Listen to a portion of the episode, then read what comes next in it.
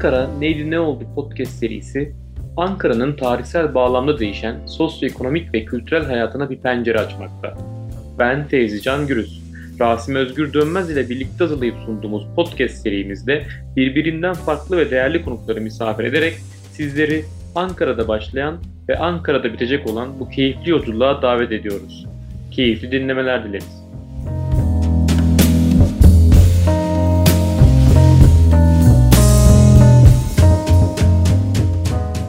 Herkese merhabalar. Ben Fevzi Can Gürüz. Ankara Neydi Ne Oldu podcast serisinde yine Rasim Özgür Dönmez ile birlikteyiz. Bugün yine çok değerli bir konuğumuz var. Kendisi siyasi yaşamımızda çok önemli görevlerde bulunmuş.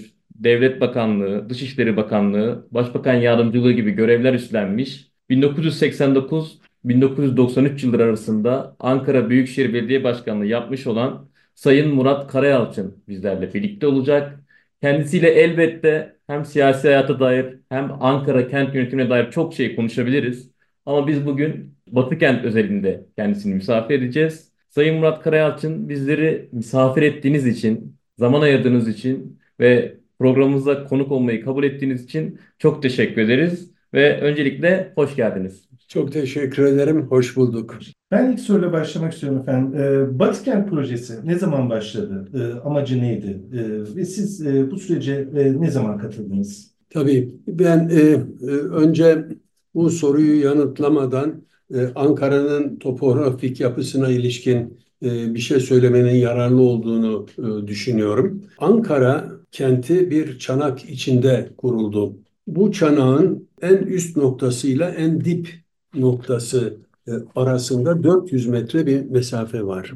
Ankara'da yılın 4 ayında bu Kasım'da başlar. E, Kasım, Aralık, Ocak, e, Şubat'tır. Isı terselmesi diye adlandırılan bir meteorolojik olay yaşanır. Bu yerin ve göğün sıcaklık farklılığından oluşan bir olay.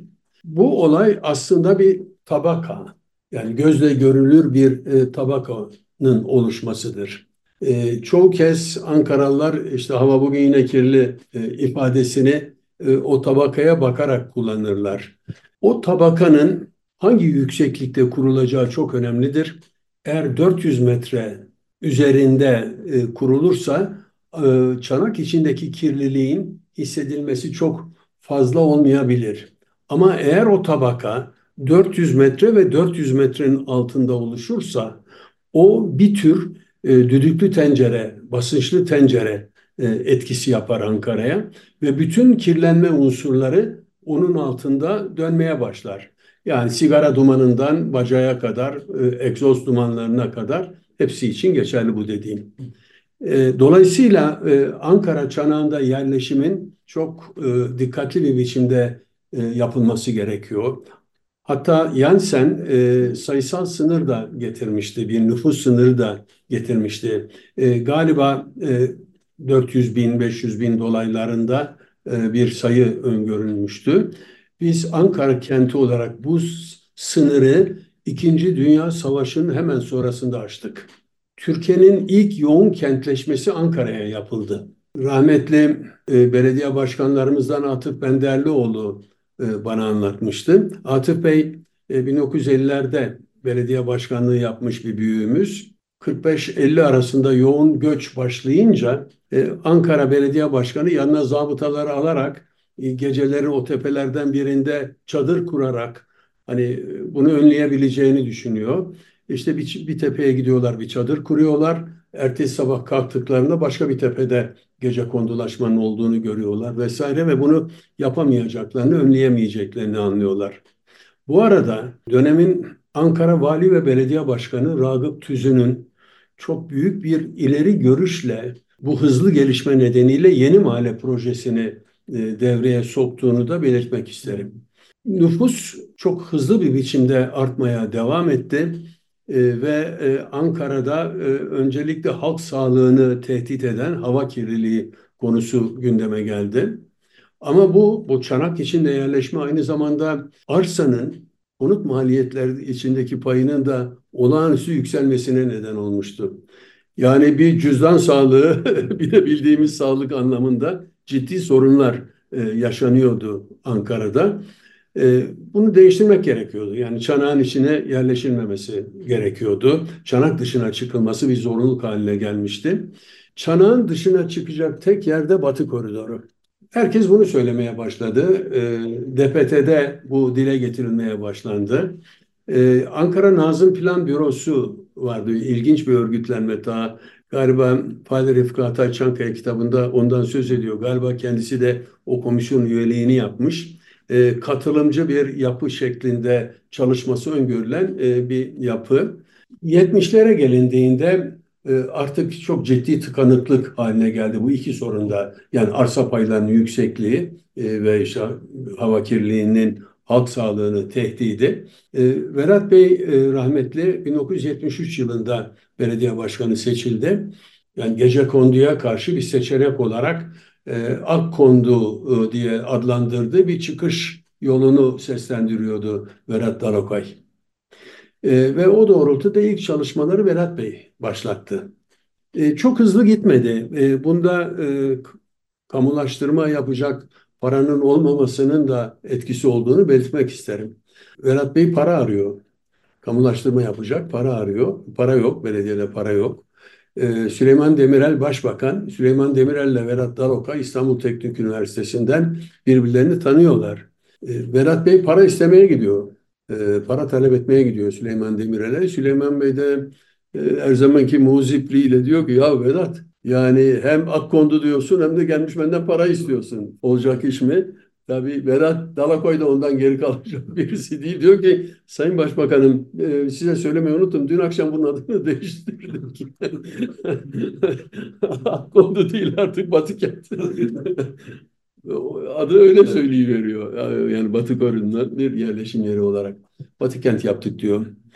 77 yılında belediyede bir yönetim değişikliği oldu ve Ali Dinçer e, ve arkadaşları e, geldiler. Bu Batı Kent üzerinde e, bir daha yoğun bir çalışma başlatıldı.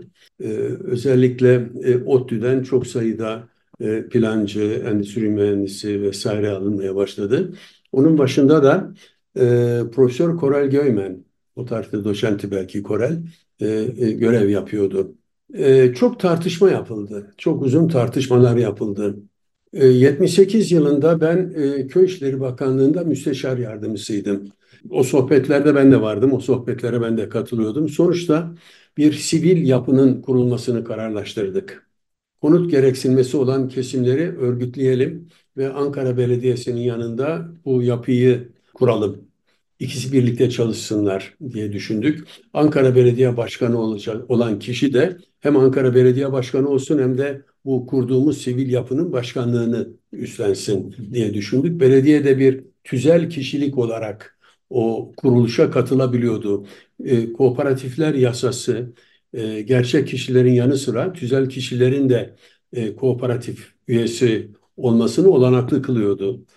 17 e, Ekim 1979 tarihinde Kentkop'u kurduk. E, ben de işte dediğim gibi müsteşar yardımcısıydım. Memurlar Kooperatifini kurdum. Hepimiz bir, e, bir yerde kooperatif örgütlenmeye gittik.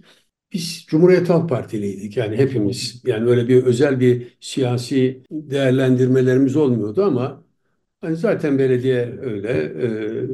Burada yer almak isteyen, bu projede yer almak isteyenler de e, aynı dünya görüşünü paylaşıyorlardı. E, daha sonra başka görüşten arkadaşlarımızın da e, aramızda yer aldığını söylemek isterim.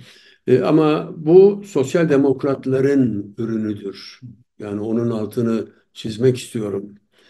Sonra ilk genel kurulumuzu yaptıktan sonra ben genel sekreterliğe geldim. Yani Kentkop'un genel sekreteri oldum. O arada biz seçimi kaybettik. Yeterince oy alamadık.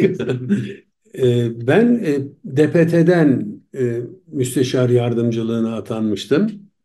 E, Devlet Planlama Teşkilatı'ndan o tarihte 79 arkadaş değişik yerlerde görev yapıyorduk. Ben Köy İşleri Bakanlığı'nda görev yapıyordum. Ecevit hükümeti istifa edince biz planlamaya döndük. Hepimiz 79'umuzda planlamaya döndük. Süleyman Demirel, Turgut Özal'ı hem Başbakanlık Müsteşarı hem de DPT Müsteşar Vekili olarak e, atamıştı. E, 24 Ocak kararlarının e, çıktığı dönem E, Turgut Özal bizim hepimizi çıkardı planlamadan. Atıldık biz yani. Şey, sözleşmelerimiz feshedildi. Atıldık dediğim o. Sözleşmeyle çalışıyorduk ve e, göreceli olarak yüksek maaş veriliyordu plancılara. Sözleşme olmayınca hepimiz e, e, asıl kadromuza döndük ki yani katiyen geçinmek olanaklı değildi o kadar e, yıldan sonra. E, ben istifa ettim e, ve tam gün e, Batıkent projesinin e, içine girdim. 12 Eylül'e geldik. 12 Eylül 1980 bizim için çok ciddi sorunlar e, yaratan, daha doğrusu yaratabilecek olan bir dönemin başlangıcıydı. E, askeri yönetim e, diğer her yerde olduğu gibi Ankara'da da belediye başkanı görevden aldı ve yerine bir askeri, emekli bir askeri, emekli bir generale atadı. Süleyman Önder. Çok sert bir adamdı ama hemen şimdi söyleyeyim daha sonra Batıkent projesine olağanüstü katkıları olan birisiydi. O nedenle e, onu da sevgiyle ve rahmetle anmak isterim Süleyman Önder'i. E, ilk e, Batıkent protokolünü imzalayacağımız tarihe kadar geçen o 3 aylık süre, yaklaşık 3 aylık süre Batıkent için çok kritik bir dönemdi. E, daha Ankara Belediyesi bize arsaları vermemişti. Biz e, örgütlenmeyi yapmıştık. Ankara halkından işçisiyle, memuruyla, esnafıyla para toplamıştık. Topladığımız paraları da belediyeye e, aktarmıştık. Ama belediyeden arsa alamamıştık, e, verilmemişti. Hani bu tamamen iyi niyete dayalı olarak yapılan bir şey. Yani e, en ufak bir şüphe olmaması gerekir ama yani sonuç itibariyle yönetim değişmiş, askeri yönetim gelmiş. E, biz solcuyuz, e, CHP'liyiz e, vesaire. Zaten piyasada solcu avı var. 1402 sayılı yasa e, işletiliyor. O arada kooperatiflerin de çok saygın ve güvenilir kurumlar olmadığını zaten hepimiz biliyoruz. Bir batakçı bir örgütlenme olarak görülüyor kooperatifler. Hele ki konut kooperatifleri. Yani büyük başarısızlıklar var konut kooperatiflerinin gerisinde. Böyle hani güvenin çok da yüksek olmadığı bir ortamda e, bir de tapuların verilmemiş olması yani ciddi bir tepkiye neden olabilecekti, bir infiale neden olabilecekti. Ağır bir biçimde suçlanabilecektik vesaire. E, ama e, Süleyman Önder'i ikna ettik. E, zaten yani Rasim Bey başka da bir proje yoktu ortada. Yani bizi kurtaran bizim projemizin gücüdür. Onu bizi başarıya götüren de projemizin gücüdür, büyüklüğüdür. E, Türkiye'de ciddi bir konut bunalımı var. Özellikle dar gelirli aileler için bu bunalım ciddi bir biçimde ağır olarak yaşanmakta. Yani konut kredileri durmuş, her şey durmuş vaziyette. Ama e, öyle bir güçlü bir örgütlenme var. Batı Kent projesi yapılacak. Aslında bizim de söylerken böyle içimizin hafif titrediği hedefler var. Yani bin hektarlık bir alanda 55 bin konut yapacağız. Kredi yok. Arsayı almamışız ama bunu yapacağımızı söylüyoruz.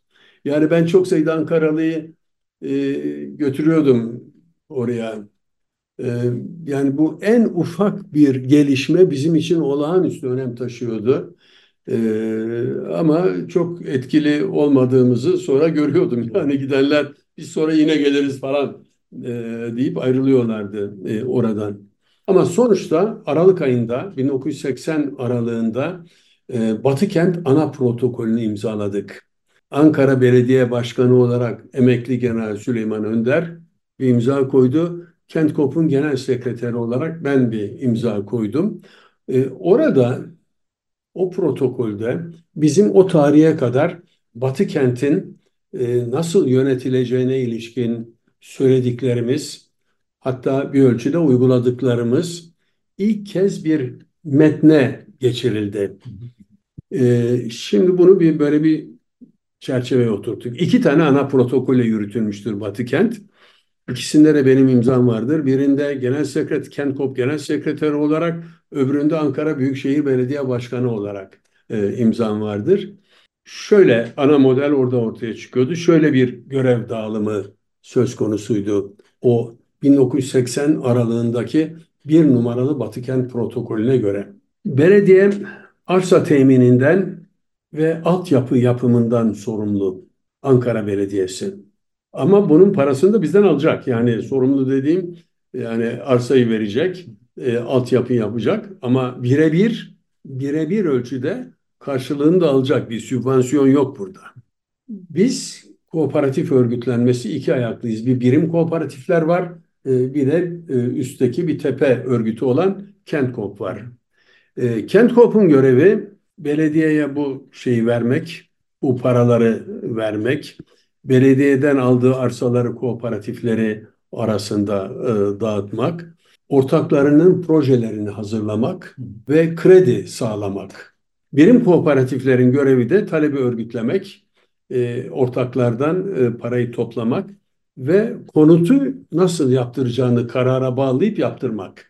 1981 e, Mayıs'ında e, genel kurula gittik. E, Ali Dinçer e, çekildi, adaylığını koymadı. Zaten Türkiye'den de ayrıldı. E, Kentkop Genel Başkanlığı'na ben seçildim. E, 1989'a kadar 8 yıllık dönemde e, Kentkop Genel Başkanıydım. E, 1989'da Ankara Büyükşehir Belediye Başkanlığı'na seçildim. E, ve tekrar başlangıçta olduğu gibi Ankara Büyükşehir Belediye Başkanı ve Kentkop Genel Başkanı aynı kişi oldu. 81 Mayıs'ında biz ilk arsaları aldık. O sırada televizyonda çok ilgi gösteriyordu bu projeye, onu da söyleyeyim. Zaten yalnızca TRT vardı. Töreni vermişti TRT.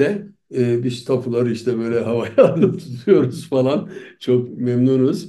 Çok önemli bir haber olarak da vermişti. Biz e, böyle çok memnun olduk ama ertesi gün falan daha sonraki günlerde ortaklardan ya neydi o haliniz ya tapu yok muydu mu kardeşim yani tapuyu yeni mi aldınız? Canı vardı da işte yani tahsis şeklindeydi falan filan diye böyle e, onu atlatmaya çalıştık. Şimdi baş, bir türlü başlanmıyor Rasim Bey. Yani başlamak o kadar tılsımlı bir şey ki. O kadar önemli ki. 55 bin konut yapacağız. E, bir türlü olmuyor. İşte bir arsanın verilmemiş olmasının da orada bir şey var. Ya dedik kaçak da olsa yapalım. Batı kentte ilk yerleşim yeri olarak adlandırılan şu anda da adı ilk yerleşim mahallesi zaten. E, orada 40 konutu biz kaçak olarak başlattık. Yani o bizim biraz bir daha şeyimizi de aldı, bizi rahatlattı. E, bir de deniyoruz işte projeleri deniyoruz falan. E, 83 yılında e, hem o 40 konut hem de e, 81'de tapular aldıktan sonra e, başlattığımız konutların teslimini yaptık. Yaklaşık 500 konuttu. Yani Batı kentteki ilk iskan e, 1983'te başladı. İlk inşaat kaçak olarak 80'de 40 konut, legal olarak 81'de e, işte 200 küsür konut falan da e, başlamıştı. E, sonuçta 83'te e, 83 Kasım'ında e, 500 konutla Batı kentteki ilk yerleşim yerini başlattık. E, 82'de Milli Güvenlik Kurulu'nun tümünün de katılımıyla çok ilginç. E, o projeye olan güveni daha da arttırdı. E, 5000 konutluk temel attı. Kenan Evren e, vesaire geldi. Yani o çok büyük bir e, e, başlangıçtı ya da büyük bir paketin uygulamaya konmasıydı. Biraz finansmandan da söz edeyim. Avrupa Konseyi İkinci Dünya Savaşı'ndan sonra Avrupa'nın yeniden iskanı için e, bir fon oluşturuyor. European Council Resettlement Fund diye bir fon. Fakat Avrupa'da 45 sonrasında, savaş sonrasında o kadar büyük bir gelişme oluyor ki e, o fonun kullanılmasına ihtiyaç duymuyorlar. Fakat bu fon çok önemsenerek kurulmuş. Avrupa Konseyi'ne üye ülkeler bu fonda büyükelçilerle temsil ediliyorlar. E, orada e, Türkiye'den de Fahrettin Kerim Gökhan, e, Gökay vardı İstanbul, eski İstanbul Valisi, eski İmar Bakanı falan. O, o fonu ben e, Köy İşleri Bakanlığı'ndayken tanımıştım. Sonra biz Batıkent projesi için o fondan yararlanmaya başladık. Onun tarihi bir önemi vardır. 97 milyon dolar 3 dilim halinde kredi çektik. Ve bunu çok bana göre başarılı bir biçimde kullandık. Biz e, e, üyelerimize 100'er bin liraydı galiba. 5 yılda geri ödenmek üzere e, e, kredi, su basman kredisi vermeye başladık. Birdenbire Batıkent su basman tarlasına dönüştü. Yani her tarafta su basmanlar var. Su basman yapılıyor. Biz e, üyelerimize senet alarak bu su basman kredisini verdik 5 yılda geri ödeyecekler. Bizim Avrupa Konseyi'nden aldığımız e, vade de 15 yıldı. Dolayısıyla biz bunu 3 defa çevirme olanağını bulduk. Ve öyle olunca olağanüstü bir gelişim başladı. E, altyapı da yapılıyor, parasını veriyoruz. Biz birdenbire çok önemli bir örgüt, yani saygın bir örgüt haline geldik Kentkop olarak. Yani çok ciddi, çok saygın e, bir örgüt olduk. Toplumun nezdinde, yöneticilerin nezdinde. 83 Kasım'da Turgut Özal kazandı seçimi ve tek başına hükümeti kurdu. 84 Mart'ında Toplu Konut Fonu işlemeye başladı. Ee, Özal çok miktarda konutun yapılmasını istiyordu. Çok güçlü bir fon kurulmuştu. Ama o fonu kullanabilmek için projeler gerekiyordu, örgütlenmeler gerekiyordu. Ee, öyle yoktu kimse ortalıkta. Yani bizim ölçeğimizde ciddi, hazır olan, projesi olan, yani statik proje, mimari projesinden statik projesine, tesisat projesine kadar her şeyin hazır olduğu başka hiçbir örgüt yoktu. Biz vardık. Su basmanlarımız da yapılmıştı. Yani inşaatın yüzde onunu e, gerçekleştirmiştik. Ve toplu konut fonu kaynaklarından kullanmaya başladık bu sefer. Yani önce Avrupa Konseyi İskan Fonu, ardından toplu konut fonu kaynakları. Yani bizim Avrupa Konseyi İskan Fonu kredilerinin kredilerini kullanmamıza destek veren hazinecileri de e, bizim toplu konut fonu kredilerini yaygın bir biçimde kullanmamızı sağlayan ya da bize katkıda bulunan diyeyimiz. Çünkü biz hazırdık yani e, tam birebir böyle yönetmeliğin öngördüğü on binlerce proje vardı. Ama toplu konut fonu yöneticilerini de başta Vahit Erdem olmak üzere e, sevgiyle almak isterim. Bu arada benim mülkiyeden, planlamadan arkadaşım olan bazı kişiler ANAP'ın kurucuları arasında yer almıştı. Onların çok büyük desteğini gördüm. Onları da anmak istiyorum. Hani bu söyleşide e, dinleyiciler onların adını da bilsinler. E, Hasan Celal Güzel e, Başbakanlık Müsteşarıydı. Ben Kentkop Başkanıydım. E, şöyle bir anekdotu da anlatayım. E, Turgut Özal bakanlardan üstü boş altı imzalı kararnameler almış. Onu biliyordum. Ve bunlar Hasan'daydı e, büyük ölçüde. O kadar çok işlem var ki biraz önce anlattım. İşte teminatlar var, banka devreye girecek vesaire vesaire. Bu aylarca sürecek olan bir şey. Ve kamuoyunda da ya Anavatan Partisi yönetimde bunlar solcu, bunlar çıkaramazlar anlayışı da vardı. Bir günde çıktı bu kararname ve birdenbire e, Türkiye'de konut çevrelerine, banka çevrelerine bu bomba gibi düştü. Vay anasına nasıl oldu da e, bunlar çıkarttılar diye. E, Hasan'ın daha sonra Milli Eğitim Bakanı iken de bakan oldu. Orada da e, çok büyük katkılarını gördük Batıkent projesinde. Kendisini sevgiyle ve rahmetle anmak istiyorum. Mehmet Keçeciler de benim sınıfımdan ülkede. Mehmet'in de Mehmet o sırada ya devlet bakanıydı ya öyle bir şeydi işte. E, Mehmet'in çok katkılarını gördük. Onu da şükranla anıyorum. E, Metin Emiroğlu e, önce e, Anavatan iktidarında Plan Bütçe Komisyonu Başkanlığı yaptı. Sonra e, Metin Bey Çalışma Bakanlığı ve Milli Eğitim Bakanlığı yaptı. E, onun da olağanüstü katkılarını gördük. Yani Batı kentte okul sorunu yoktu. Böyle tıkır tıkır işledi. E, hemen hemen her şey tıkır tıkır işledi. Çok düzenli olarak işledi. 1991 ben 89'da belediye başkanı oldum. 91-92'de proje bitmişti. Bu bir mucize. Bu olağanüstü bir başarı. Olağanüstü bir şey. Bu projenin 11-12 yılda bitmiş olması bana göre bir mucize. Daha kısa sürede de bitebilirdi. Yani biz çok uzun boşluklar yaşadık. Yani baştan itibaren bunu düzenli bir şekilde yapabilirdik. Tabii benim belediye başkanlığına gelmemle birlikte Batı Kent Kızılay metrosu da bitti. 9-10 kilometrelik bir mesafe.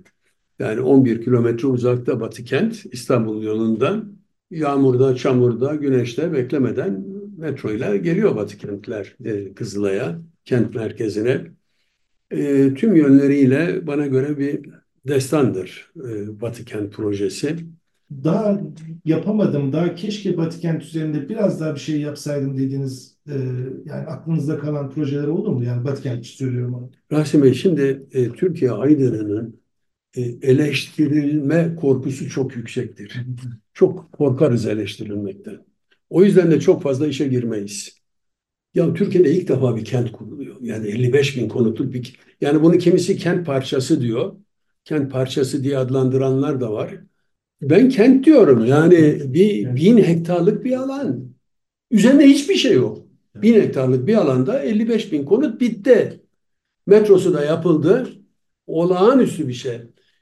Yani eleştirileceğimiz çok şey var. Hiç kuşkusuz. Yani ben ilk metronun o kaba, o raylar döşemeye başlarken birdenbire e, metronun başlangıç noktasından e, şeye doğru böyle bir e, viyadüğe doğru, viyadüğe doğru yöneldiğini gördüm. Köprüyle geçiyor, geçiyor Batı kenti, viyadükle geçiyor. E bu ne dedim? İşte efendim o bilmem ne olmuş da o da bilmem ne olmuş da falan yani çuvallamışız. Yani dümdüz bir yerde Allah aşkına metroyu yükseltip bilmem olacak iş mi? Yanlış yapmışız. Cephelere ben yani şu anda başlasam cephelere çok daha farklı bakardım. E, kooperatiflere boyamayla ilgili farklı şeyler söylerdim. Ama olağanüstü büyük bir deneyim yaşandı. Türkiye bunu çok sevdi, onu da söyleyeyim. 1982 yılında biz ilk kez İzmir'den, İzmir Belediyesi'nden Ceyhan Demir, vali yardımcısı, askeri yönetim onu İzmir Büyükşehir, İzmir Belediyesi Başkanı yapmış. Büyükşehir yoktu o zaman. Beni aradı. Dedi ki Patikent'te ne yaptınızsa İzmir'de de aynısını yapmanızı istiyoruz. Gelin İzmir'e. İzmir'e gittik ve İzmir'de bize gösterilen yerde Çiğli dolaylarında bir yerde e, Ege Kent projesini yaptık. 1984'te Elazığ Belediye Başkanlığı'na seçilen Fırat Üniversitesi'nin kurucu rektörü e, bizi davet etti. E, Elazığ'da Mustafa Temizer, Profesör Mustafa Temizer, Elazığ'da Harput'un eteklerinde Doğu Kenti kurduk. Manisa'da Yeni Manisa projesi, Manisa'da Söke'de, Kastamonu'da Kuzey Kent projesi. E, yani Batı kentin dışında bir başka bin hektarda toplam 2000 hektar ediyor. Bir başka 100 bin konut, yani toplam bir başka 50 bin konutluk proje uyguladık. Toplamda 100 bin oldu. Yani bu model, size anlattığım model toplamda 100 e, bin, 2000 hektarlık 100 bin konutluk bir deneyimi e, ortaya koyuyor. Bu sonuçta kamu halk işbirliğidir. Hani bu public private partnership denenin dışında bir başka modeli biz önerdik. Yani halkı, proje halkını örgütlerseniz proje halkını proje muhafızı haline getirirsiniz. Ve o proje muhafızları da bu projeye yapışırlar ve bunun gerçekleşmesi için bütün güçleriyle çalışırlar ve sonuç alırlar. Yani ben bunu neredeyse gözlerimle gördüm, yaşadım Rasim Bey. Biz şimdi buna proje demokrasi diyoruz evet, Rasim Bey. Evet. Ben bunu proje demokrasisi diye adlandırıyorum. Bu doğru bir yönetim tarzı.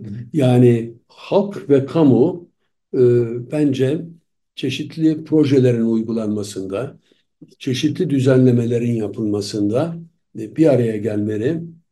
E, ben bunun giderek bir demokrasi şekline dönüşeceğine de e, inanıyorum. Yani ben belediye meclisinin üyesini seçiyorum Ankaralı olarak.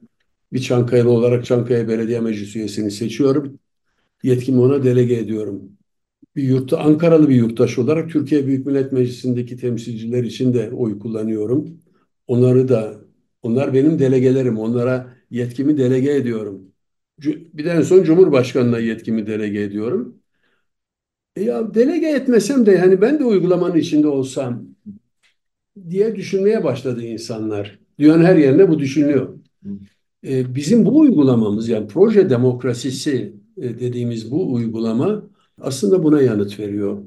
Bunu gerçekleştiriyor. Yani öyle bir şey ki hem demokratik bir birikim kazanıyorsunuz hem de hız. Yani Batı kentin 11-12 yılda bitmesi öyle. Yani kooperatif 200-300 konutluk 50 konutların yani onlarca yıl sürdüğü bir ortamda 55 bin konutun e, bitmesi bence bu modelimize bağlı. Ağzınıza sağlık. Çok teşekkür ederiz. ederim. Vallahi yani çok aydınlandık. Ee, ya Batıkent'e gidiyordum geliyordum ama bu kadar tarihini bilmiyordum. Evet. Çok teşekkür ederiz. Rica ederim, rica ederim, rica ederim. Ben teşekkür ederim.